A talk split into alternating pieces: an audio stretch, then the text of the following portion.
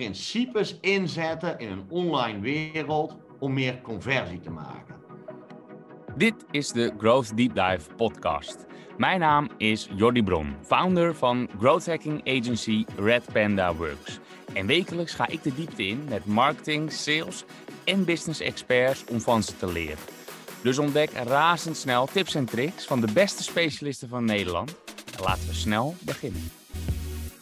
Yes, yes, yes. Een nieuwe aflevering van de Growth Deep Dive podcast. En een speciale. Een aantal jaar geleden uh, las ik het boek Influence, Influence of Invloed uh, van Robert Cialdini.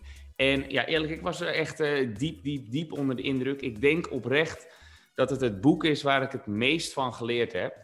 En daarom kijk ik ook zo uit naar deze aflevering, want we gaan het hebben over online invloed.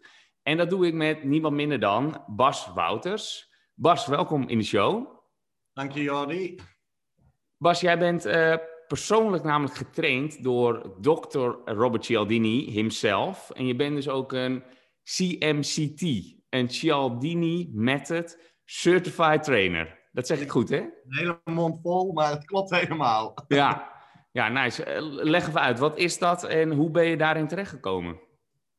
Um, wat het is, het is um, een titel die Robert Cialdini verstrekt, waar hij uh, in ons voordeel vrij schaars mee is, want er zijn maar 12 CMCT's in de wereld op dit moment. En een CMCT is namens Robert Cialdini opgeleid en gemachtigd om uh, namens hem trainingen, consulting uh, uit te voeren. Het interessante is, wat ik vaak uit de praktijk hoor en ook in mijn opleiding nog heb gemerkt. Veel mensen kennen het boek natuurlijk uh, van Robert Cialdini. En er zijn zes principes in het boek. Later heeft hij een zevende principe toegevoegd in ja. 2016.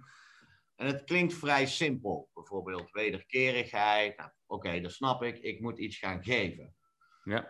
Maar wat wij altijd zoeken noemen we small big. Small changes, big outcome. En dan moet je echt in de nuances van de gedragspsychologie, van die principes weten te zijn, te onderzoeken en, en daar je oplossingen in te vinden. En daar zit het grote verschil.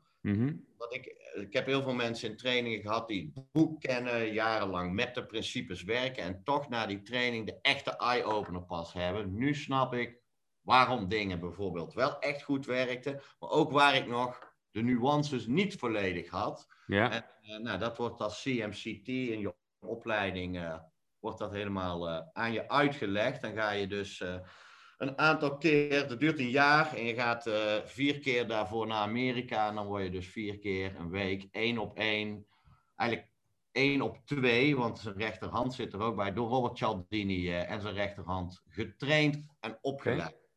Ja, en dan toch nog eventjes, uh, eventjes één stap terug. Uh, voor degenen die Cialdini niet kennen en het, uh, het boek niet gelezen hebben. Het boek is 6 miljoen keer verkocht volgens mij inmiddels. Dus een redelijke bestseller zou je kunnen zeggen. Maar toch voor degenen die hem niet gelezen hebben, even een korte samenvatting. Korte samenvatting. Cialdini was eind jaren 70 werd hij professor en toen ging hij onderzoek doen naar iets wat hem fascineerde, namelijk Waarom doe ik de dingen die ik doe? Die zijn namelijk niet altijd logisch dat ik die keuzes maakte. Maar toen was er ongeveer 50 jaar wetenschappelijk onderzoek. En wat maakt Cialdini uniek? Hij dacht, ja, maar dat onderzoek is wetenschappelijk. Ik moet de echte wereld in. Dus Cialdini is drie jaar undercover gegaan. Toen noemde hij zich Bob Colden. En hij ging werken bij autoverkopers, PR-bureaus. Maar hij meldde zich ook aan bij sectes. Dat is natuurlijk veel beïnvloeding. Ja. Hij is in het leger gaan werken om soldaten te recruiten. En na drie jaar had hij een hoop bevindingen die hij in het echte leven zag. Die koppelde ja. aan die wetenschap. En toen kwamen er zes universele principes uit die over heel de wereld mensen dus overtuigen om in jouw richting te bewegen. Die ja. zes principes zijn wederkerigheid. Oftewel, als ik jou op mijn verjaardagsfeestje uitnodig, dan voel jij een druk om mij ook op jouw feestje uit te nodigen. Oh ja. Liking of sympathie, zoals we het vaak in Nederland zeggen. We zeggen sneller ja tegen mensen die we leuk vinden. Ja, dus dat is twee. Dus één is wederkerigheid, sympathie sympathie, dan hebben we drie sociaal bewijs. Denk aan booking.com. Als duizend mensen zeggen het is een goed hotel, dan gaat er een shortcut in ons hoofd af die denkt dan zal het wel zo zijn. Ja, ja, ja. Sociaal bewijs. Nummer vier is autoriteit. We neigen blindelings als autoriteiten te volgen. Denk bijvoorbeeld aan de witte jas van de dokter. Als ik vandaag in een ziekenhuis rond ga lopen en ik trek een witte jas aan en ik ga medisch advies geven, is de kans heel erg groot dat mensen dat advies gaan opvolgen. Ja. Alleen omdat ik een witte jas aan heb. Ik zeg vaak, wie heeft ooit de diploma's van zijn huisarts opgevraagd? Ja. Niemand. Misschien heeft hij, had hij wel een slecht punt op school voor de specifieke klachten waar jij daarmee zit. We weten het niet. inderdaad, daar vraag je niet naar. Nee, dat klopt. Dus dat is ook een shortcut. Nou, dan hebben we, dat is het vierde principe. Dan hebben we consistentie. Beetje het spreekwoord wie A zegt, moet ook B zeggen. Maar we hebben een interne druk om ons consistent te willen gedragen met wat we eerder hebben gezegd of gedaan. En schaarste, nou, denk bijvoorbeeld aan Black Friday is overkomen waaien en ineens gaan we massaal spullen kopen omdat we vaak denken dat er een speciale deal te halen is op die ja. dag. Dus dat zijn zijn zes principes. En in 2016 voegde hij daar eenheid aan toe. En waar liking zegt, we zeggen sneller ja tegen iemand die we leuk vinden, zegt eenheid, we zeggen sneller ja tegen mensen die bij ons horen. Dus denk aan een gezin of we zijn allemaal Nederlanders, dan vinden we ineens dat we bij een groep horen. Ja. En die keuzes spelen zich dus onbewust af. En een belangrijke wetenschapper daarover is Daniel Kahneman. Die bewees in 2002, daar kreeg je een Nobelprijs voor, dat wij destijds 90% en vandaag de dag al 95% van al onze keuzes met ons onbewuste, snelle stuk van ons brein maken. Ja. En als wij vaak anderen proberen te overtuigen, dan zitten wij vaak heel, gaan we heel rationeel proberen die ander te overtuigen. Maar dat is maar 5% die de keuzes maakt. Dus je moet op een andere manier kijken om mensen in jouw richting te brengen. Uh, thinking fast and slow gaat hier ook over. Yes, exact. Dat is zijn boek. Ja, ah, dat is ook echt de auteur waar je het over hebt. Ja, dat is de oh, auteur. Oké, dat was toen dat, dat van Ik, ik ken dat... wel het principe namelijk. Ja, ja, ja. Oké. De auteur van dat boek is Daniel Kahneman. En die won in 2002 dus een Nobelprijs. En die veranderde eigenlijk de complete kijk op hoe wij keuzes maakten. Toen kreeg je ook in plaats van economics, gingen we behavioral economics studeren. Wat oude economen altijd zeiden, dat de mens een rationeel wezen is. Ja. Dat is bewezen dat dat helaas een beetje tegenvalt voor ons. Zo rationeel handelen we dus niet. Ja, nee, oké. Hey, alright. En nou heet jouw boek Online Invloed. Ja. Dus hoe pas je de Cialdini-principes toe online en dus voornamelijk op je website? Zo interpreteer ik je titel. Ja, dat is een deels goede interpretatie, want dat is een onderdeel van ons boek. Maar we gaan eigenlijk vanuit een grotere kapstok denken, namelijk vanuit het Fogg Behavior Model. We hebben drie wetenschappers inderdaad die we in de, in de, vrijwel in de inleiding toelichten. Daarvan hebben we al twee genoemd. Daniel Kahneman, hoe maken wij keuzes? Cialdini, grondlegger van toepasbare overtuigingspsychologie. Bijvoorbeeld mede verantwoordelijk geweest voor de verkiezingscampagnes van Barack Obama in 2008, 2012. Ja. Heeft zijn sporen dus wel verdiend. En de derde is BJ Fogg. En BJ Fogg wordt geroemd, net als Cialdini, om complexe wetenschap simpel te maken, zodat wij het ook toepasbaar kunnen krijgen. En hij heeft een model ontwikkeld wat heel ingewikkelde onderzoeken heeft hij een simpel model wat het Fogg Behavior Model is. En dat model verklaart gedrag. Wat heel interessant, sorry, ik wil je vragen, Jordi? Nou, ik wou zeggen, Fok, je gaat het nog uitleggen, denk ik. Ja. ja. Dan laat ik je aan het woord. Top. ik, eh, een model inderdaad verklaart gedrag. En wat heel interessant is, dat er drie componenten nodig zijn om gedrag te realiseren. En één component is motivatie. En daar hebben we het met Cialdini over. Ik kan laag gemotiveerd zijn om iets te doen of erg hoog gemotiveerd zijn. Nou, zoals iedereen zal begrijpen, als ik hoog gemotiveerd ben om iets te doen, is de kans groter dat ik het ga doen.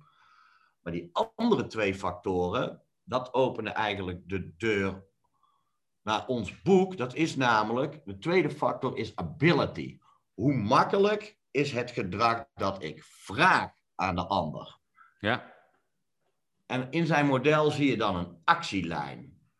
En dan komt de derde factor en dat is een prompt. En een prompt is niks anders dan hetgeen wat om het gedrag vraagt. En denk bijvoorbeeld aan online. Wat is dan een prompt?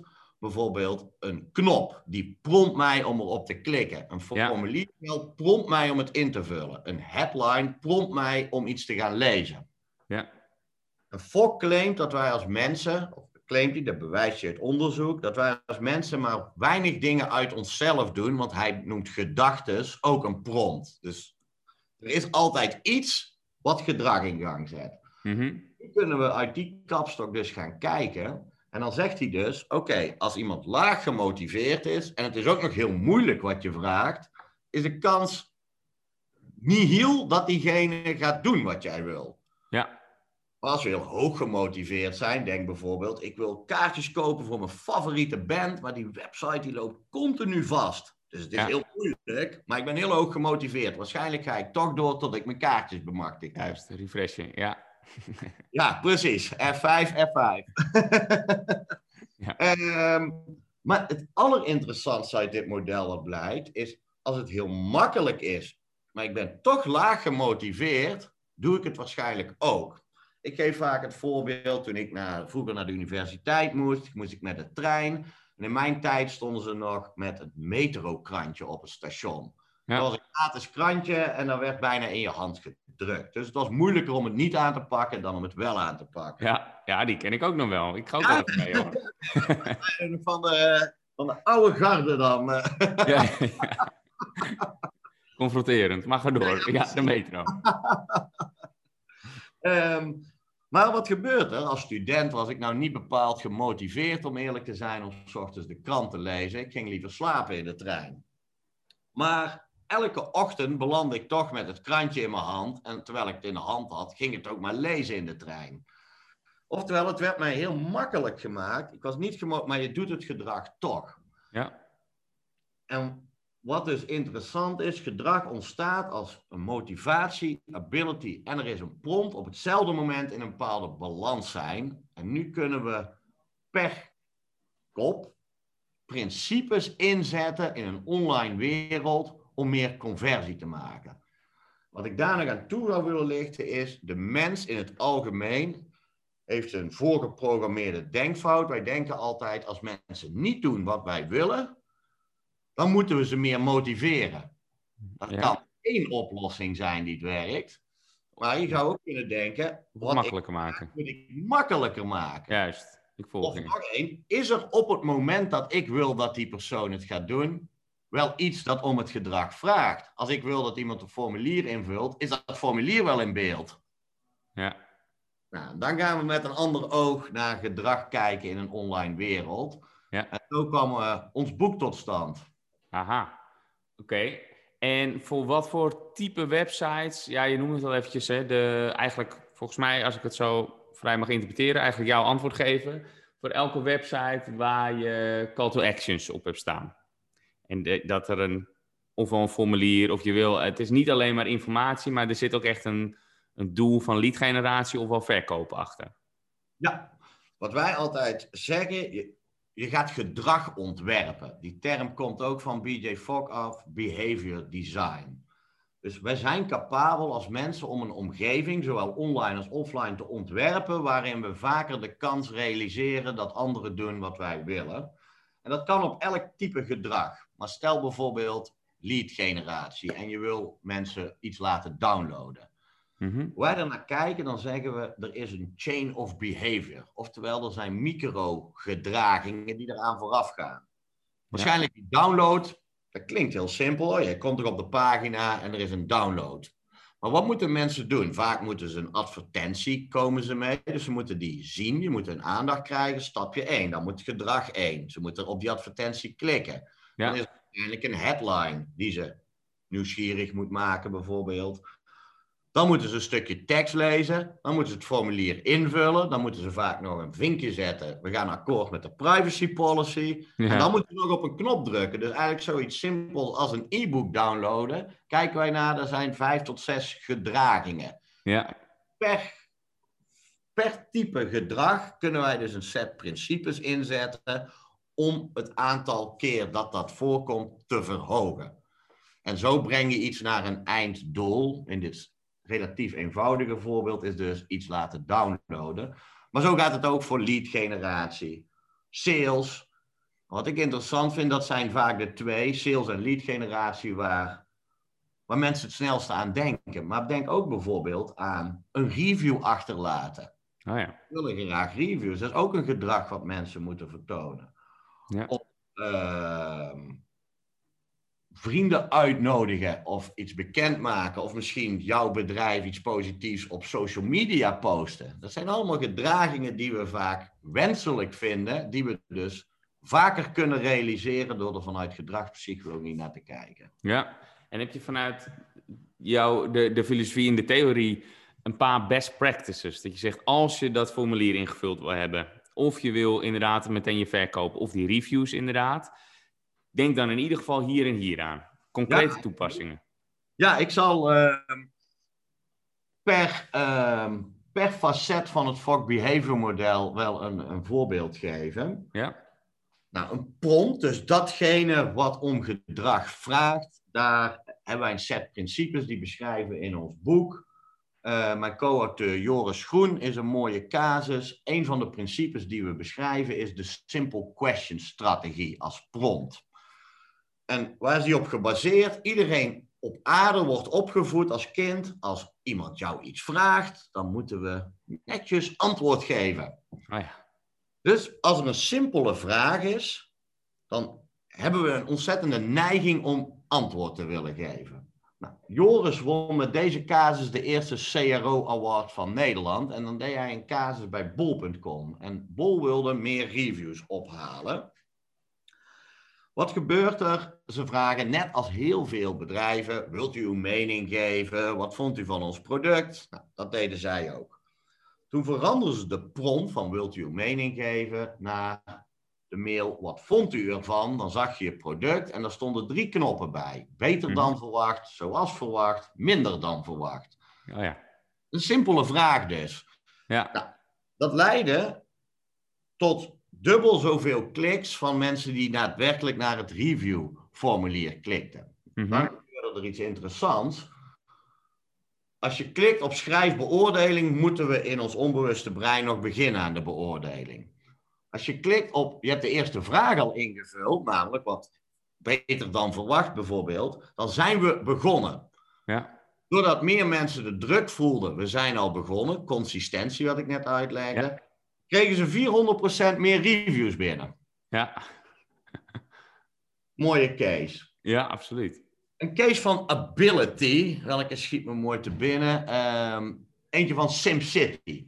Wat deed SimCity? Die dachten de marketeers, die wilden een spel verkopen. Ze hadden een gewone editie en een deluxe editie. Ja, ik was fan hoor. Ik heb Ja, eh, ja, ja. dat echt eh, verslonden. Ik heb ook nog wat afgebouwd in de virtuele wereld. Maar SimCity had marketeers en die bedachten, wij gaan de motivaties boosten van onze bezoekers. Dus wat doen we? Boven onze call to action, koop het spel, zetten we neer.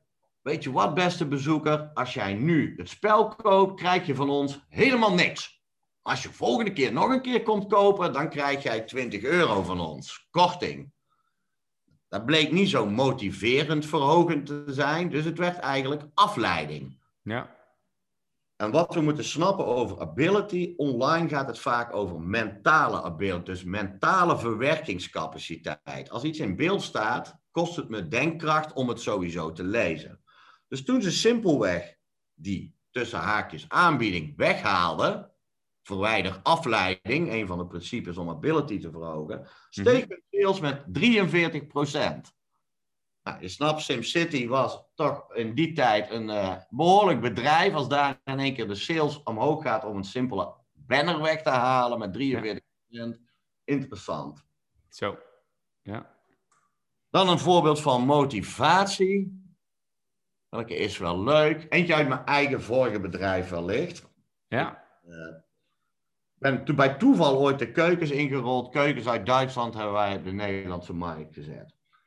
En ik snapte, want ik was met deze materie bezig. En ik wist, we moeten reviews hebben. Dat topic kwam net ook. Want reviews, het principe van sociaal bewijs van Robert Cialdini. Dus we waren goed bezig en we hadden meer dan 10.000 reviews verzameld. Dus wij waren er heel trots op. Maar ik ontwikkelde me verder in deze materie en toen realiseerde ik me één ding. Die reviews hadden wij goed verstopt, namelijk achter een knopje met reviews. Maar dan moet de klant dus naartoe gaan. Ik Ja. realiseerde me, nee, we moeten dat naar de klant toe brengen. Dus Ja. toen maakten we een samenvatting van nou, meer dan 10.000 mensen geven ons een 4,7 op een schaal van 5. Dat zetten we op de homepage, maar ook boven elke call to action. Onze call to action was vraag een gratis adviesgesprek aan. Waarom erboven? Onbewust lezen wij nog steeds van links naar rechts, onder naar boven. Dus ik wil net van tevoren laden dat anderen ons positief, iets positiefs van ons vonden. Ja, precies. Van boven naar beneden neem ik aan dat je bedoelt. Sorry, ja, ja, ja. Sorry. Dus En, je leest eerst wat anderen er ook van vonden en dat motiveert om te klikken voor je adviesgesprek. te klikken op de knop, vraag gratis adviesgesprek aan. Nou, het motiveerde zoveel dat de aantal leads met 34% steeg. Interessante wat ik aan deze casus vi- vind, is we hadden al die reviews al, we lieten ze alleen niet goed genoeg zien. Mhm. En daar eh, zie, ik, eh, zie ik ook nog veel gemiste kansen, zeg maar, eh, op het web voorbij komen. Ja. Ik, ik, heb, ehm, ik, ik ben er 100% van overtuigd dat dit werkt. En zeker als je allerlei dingen tegelijk gaat doen. Waar wij vaak als growth hackers tegenaan lopen, is het inzichtelijk maken van wat heeft dit ene ding nou opgeleverd. Ja. En, en ik weet dat Booking eh, draait eh, honderden experimenten per dag volgens mij. En eh, de- die hebben alleen al 200 van die data engineers. Dus hoe kun, kun je als zelfstandige nou goed in de gaten houden wat het effect is geweest van één aanpassing? Ehm, bij heel bazaal, bij het begin, is door ook maar één aanpassing te doen. Ja, Dat is al een veel gemaakte fout. Dat we zien dat bedrijven. Oh, we gaan dus even de website upgraden. En dan wordt er van alles aangepast, zodat je al niet meer, überhaupt niet meer kan weten wat nu effectief was. Soms maak je misschien wel aanpassingen die geplust hebben, maar tegelijkertijd ook minnen. Dus je weet het niet. Dus doe ook echt één aanpassing. ja, Dan kom je in een gevoelige zone als je het wetenschappelijk benadert. Want wetenschap zegt, ja, je moet wel een significante... ja, is het significant. Ja. Dan lopen wij hier, hier binnen ook altijd te roepen Ja. van ja, maar dan duurt het super lang. Ja, en ehm, nou goed, ik ben ook eh, MKB-ondernemer geweest. En ehm, er zit ook iets in, je past iets aan, je hebt een bepaalde hoeveelheid bezoek. En als dat na een maand beter is, je mag ook een beetje, vind ik, hè, op gevoel daar naar die data kijken. Ehm, want anders zou je het ontnemen dat de MKB-ondernemer überhaupt kan testen. En sommige corporates ook die nog weinig online doen. Ja, En daar vind ik bij voorbaat een onhandig gegeven. Dat je daardoor, door een belemmering aan significante data, besluit Ja. om niet te willen verbeteren. om niet, eh, Bas, ik ben blij dat je dit zegt. Deze discussie hebben wij in- hier intern ook vaak eh, gehad. Ja. En nog steeds trouwens. Waarbij ik altijd eh, een beetje aan jouw kant sta. Ik zeg altijd, data is goed, maar ook even een laagje common sense. Gewoon Ja. even logisch ernaar kijken en dan maar niet helemaal significant. Dan is het niet onofficieel wetenschappelijk en geen strik erom. Maar het is wel logisch dat het beter werkt en ook snel door. Want uiteindelijk, om ja, nog heel lang te wachten, dan haal je wel de snelheid eruit. Juist. En natuurlijk is gedragswetenschap geen zwart-witte wetenschap. Je kunt niet een claim maken. Nou, als je dit zegt, dan doet iedereen op aarde precies dit gedrag. Ja. Maar wij weten, zowel vanuit wetenschap, maar ook eh, uit eh, tientallen jaren ervaring. Als je naar iets kijkt, dan is, en je neemt een hypothese aan, die implementeer je en je ziet toch een plus in de conversie, dan durf ik ook wel op niet significante data, toch inderdaad op common sense te zeggen, nou, je doet iets wat positief bij aan het dragen is. Ja. Dus zo kijk ik ernaar, want anders ontzeg je namelijk ontzettend veel bedrijven überhaupt de mogelijkheid om te gaan verbeteren. En dat zou, ja, is in mijn op- optiek een vreemd gegeven om er zo naar te kijken. Ja, nee, ik, ik volg je helemaal. Ja. Oké, ik heb een eh, drietal stellingen voor je. En je mag eh, in eerste instantie alleen antwoorden met eens of oneens. En later komen we er even op terug en mag je nuanceren of toelichten. Ehm, Ja, het zijn drie korte stellingen. En ik ben wel benieuwd oprecht naar, naar je antwoorden. Um, eens of oneens is de vraag aan jou. Komt-ie. Ja. Cialdini is goed, maar er zijn natuurlijk honderd soortgelijke goeroes die eigenlijk hetzelfde pretenderen. Oneens. Oké, dacht ik. Um, nummer twee. Met een boek kom je ver, maar wil je het echt goed toepassen, dan zul je altijd een trainer aan je zijde moeten hebben. Eens. Online invloed zou op de middelbare school als vak gegeven moeten worden. Eens. Ja, ja, oké, keurig.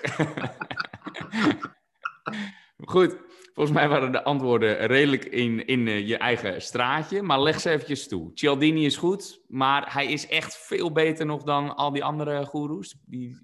Nou, ik zou niet per se pretenderen veel beter. Uh, maar hij is wel uniek in wat hij heeft bijgedragen aan, aan dit vakgebied. Uh, ja.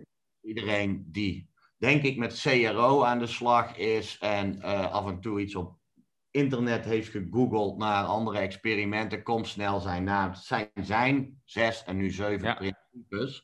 Hij is de eerste geweest die dit zo toepasbaar maakte.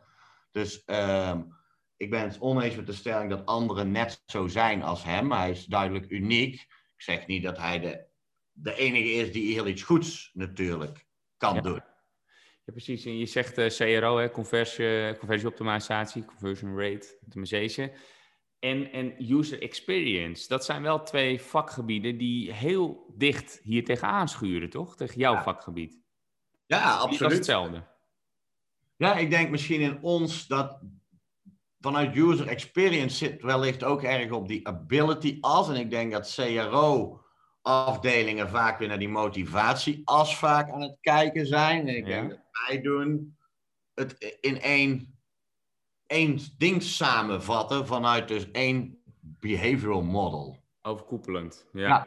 Alright. Ehm, je, je tweede antwoord was eh, eens op de vraag: hè, met een boek kom je ver, maar wil je het echt goed toepassen, dan zul je toch een trainer aan je zijde moeten hebben. Ehm, nou, ben jij toevallig trainer? Ja, Wat, wat zie jij vaak misgaan dan bij eh, zelfstandigen bij, bij ondernemers? ook daar is, eh, nou, er is scheelt eigenlijk nog wel meer dan een trainer. Als je echt ergens goed wil worden, en dat is ook eh, aan gedragswetenschap gekoppeld. Heel even kort. In 1886 was een man, Herman Ebbinghaus, en die toonde toen al aan dat er zoiets bestaat als de forgetting curve. En wat zegt hij? Eigenlijk alles wat wij opdoen aan kennis, zelfs het volgen van een training, dan gaat je kennis in één keer omhoog. Als je niet opvolgt, zijn we binnen een week ongeveer 90% van die kennis weer kwijt. Dus zelfs een boek lezen en er niets mee doen, zonde. Ja. Training volgen daarna en, en vervolgens niet opvolgen, zonde. Wat zegt wetenschap nu? Hoe word jij een expert in iets? Als eerste heb je informatie nodig om expert te kunnen worden die je niet hebt. Ik pretendeer dat een boek een goede eerste stap is, maar dat een training je altijd een deep dive op een boek geeft. Het gevaar van een boek is dat je eigen interpretatie eraan loslaat. En een trainer moet jou de nuances uitleggen, maar zo is het echt bedoeld. Ja, juist. De tweede stap die je zou moeten doen, is je moet voorbeelden zien van andere experts. Hoe doen die het, zodat jij inspiratie krijgt. Ah, maar nu begin ik de vertaalslag naar mijn eigen kaders te krijgen. En om echt een expert te worden, heb je, moet je zelf aan de slag en feedback krijgen van de expert op je eigen werk. En dat toont wetenschap aan. Zo worden we ergens uiteindelijk heel erg goed in. Ja, oké. En toch, eh, ja, zou, eh, ja, dat is natuurlijk ook een vorm van training, want online invloed moet als vak gegeven worden op de middelbare school. Ja, ja. Toch? dat zei je. En dan komt het eigenlijk samen, want als je er een goed vak van maakt, dan zou je al die drie facetten in dat vak kunnen bewerkstelligen. Ehm, ja, ik ben van mening dat ehm, onze wereld steeds verder ontwikkelt in technologie. Dus de kansen, denk ik, op de arbeidsmarkt, als ondernemers, als growth, eh, growth onderneming, liggen in mijn optiek in veel momenten de kans waarin technologie nog steeds met mensen moet communiceren. Ja, En daar hebben wij het over. ja. Dus ik vind dat dat eh, inderdaad een vak zou moeten zijn wat vanaf de middelbare school eh, zou moeten worden onderwezen. Ja, ja daar is wat voor Dat te zeggen. natuurlijk wel goed, komt me natuurlijk ook goed uit. Ben ik Ja, ja. Toevallig heb jij een boek eh, wat. Hey, Oké, nou is het ehm, nog, nog, nog een vraag. Die, ehm, ja, kijk, wij zijn een growth hacking agency. En dat is echt wel eerlijk, het is een buzzwoord. Hè? Iedereen is opeens eh, growth hacker. Een andere populaire term die ik heel erg eh, eh, zie opkomen, zie hem steeds vaker voorbij komen, is neuromarketing. Ja. Dat zit ook heel dicht tegen jou aan. Of ben jij ook een neuromarketeer? Eigenlijk als je het pakt en eh, over de echte inhoud van die term, daar is ook niet iedereen het over eens. Wanneer ben je nu neuromarketeer en wanneer niet? Eh, doe je dan onderzoeken vanuit hersenscans en kijk je precies wat er gebeurt? Dat, of pak je psychologische principes en zet je die in en heet het dan neuromarketing?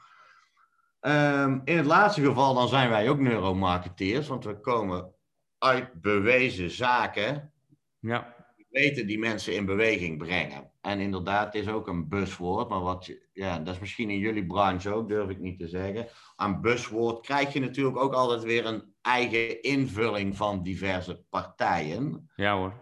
Ja, Zeker. En Bij ons eh, als growth hackers is dat zeker zo. Ik denk dat je het tien mensen vraagt die er iets mee doen, of zelfs zijn, dat je tien verschillende antwoorden krijgt. Ze hebben gelust wel wat overlap, veel, maar iedereen eh, geeft er toch een eigen draai aan. Nou, dan denk ik dat met de term neuromarketing eh, ook zo is. Ja, Grappig feitje, de term is bedacht door een Nederlander. En het is natuurlijk een buswoord door heel de wereld op het moment. neuromarketing is bedacht. Oh ja.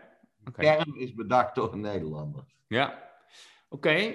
Ja, super waardevol, eh, Bas. We moeten een beetje gaan afronden. Ik wil je nog eh, vragen om de ultieme tip voor een beginnende marketeer als het gaat om online invloed. Wat zou dat zijn? Ultieme tip is: ga gedrag ontwerpen. Ga geen website, geen app, geen landingspagina ontwerpen. Maar ga eerst vragen: wat wil ik dat mijn bezoeker gaat doen? En ga dan het gedrag ontwerpen. Ja? Oké, eh, dat eh, klinkt logisch, maar ook ingewikkeld. Waar zou je dan moeten beginnen? Op het whiteboard. Op het whiteboard. eh, ik zou beginnen bij zorgen dat je in ieder geval weet hoe dat je gedrag moet ontwerpen. Als je daarmee wat kennis hebt, dan is de eerste vraag die je letterlijk stelt: wat wil ik dat mijn bezoeker gaat doen? En dan kom je waarschijnlijk met het eerste antwoord is je eindpunt. De vervolgvraag is: wat zijn allemaal gedragingen die leiden tot mijn gedrag wat ik wil zien? Ja. En vanaf daar begin je te designen aan de wetenschap van gedragsontwerp. Juist. Ja, super, eh, super waardevol allemaal. Ik kan me voorstellen dat de kijker, luisteraar er veel meer over wil weten. Waar kunnen ze meer over jou of over je boek vinden? En ze kunnen meer info over eh, mij en het boek vinden op onlineinfluence.com. Ja, Binnenkort gaat de nieuwe website ook live en dan zal de Academy, Online Academy, live trainingsmogelijkheden daar allemaal op staan. Ik ben zelf op LinkedIn eh, te vinden onder Bas Wouters CMCT. Bas Wouters is geen unieke naam in Nederland, vandaar de letters Cialdini Matters Certified Trainer, oftewel CMCT er maar achter geplakt. ja, ja. De ability verhogen om mij te vinden. Juist, zo is het. Oh, mooi. Oké, Bas, super bedankt. Ik heb heel veel geleerd en ik denk eh, iedereen. Ehm, ja, er is zoveel en we, kunnen nog wel even doorpraten, maar ik denk dat we in de toekomst nog maar eens een vervolg eraan moeten geven. En dan gaan we inderdaad nog iets dieper in op je fokmodel of nou, daar, vinden we wel iets, want we kunnen nog wel een paar uitzendingen zelfs vullen. Ja, dat is... Super bedankt voor nu en eh, nou ja, tot de volgende keer dan maar, eh, Bas, zou ik zeggen. ja, tot de volgende keer Jordi. Superleuk om hier eh, aanwezig te mogen zijn. Helemaal goed, dankjewel. Hoi, hoi. Op, doei. Yes, dit was hem weer. Hopelijk was deze aflevering weer leerzaam, zodat jij een nog betere growth hacker wordt. Heb je zelf ideeën voor onderwerpen of wil je zelf te gast zijn als expert? Stuur mij, Jordi Bron, een berichtje op LinkedIn of stuur een mail naar jordi@redpanda.works. Het e-mailadres vind je natuurlijk ook op onze website redpanda.works. Ik wil je dan nog iets vragen en dat is om een eerlijke review te geven. Voor growth hackers is het namelijk super belangrijk om feedback en daarmee data te verzamelen. Dus ben ik benieuwd wat jij van deze podcast vindt. Laat het dus weten door een review te geven in je favoriete podcast app. Dankjewel alvast en tot volgende week.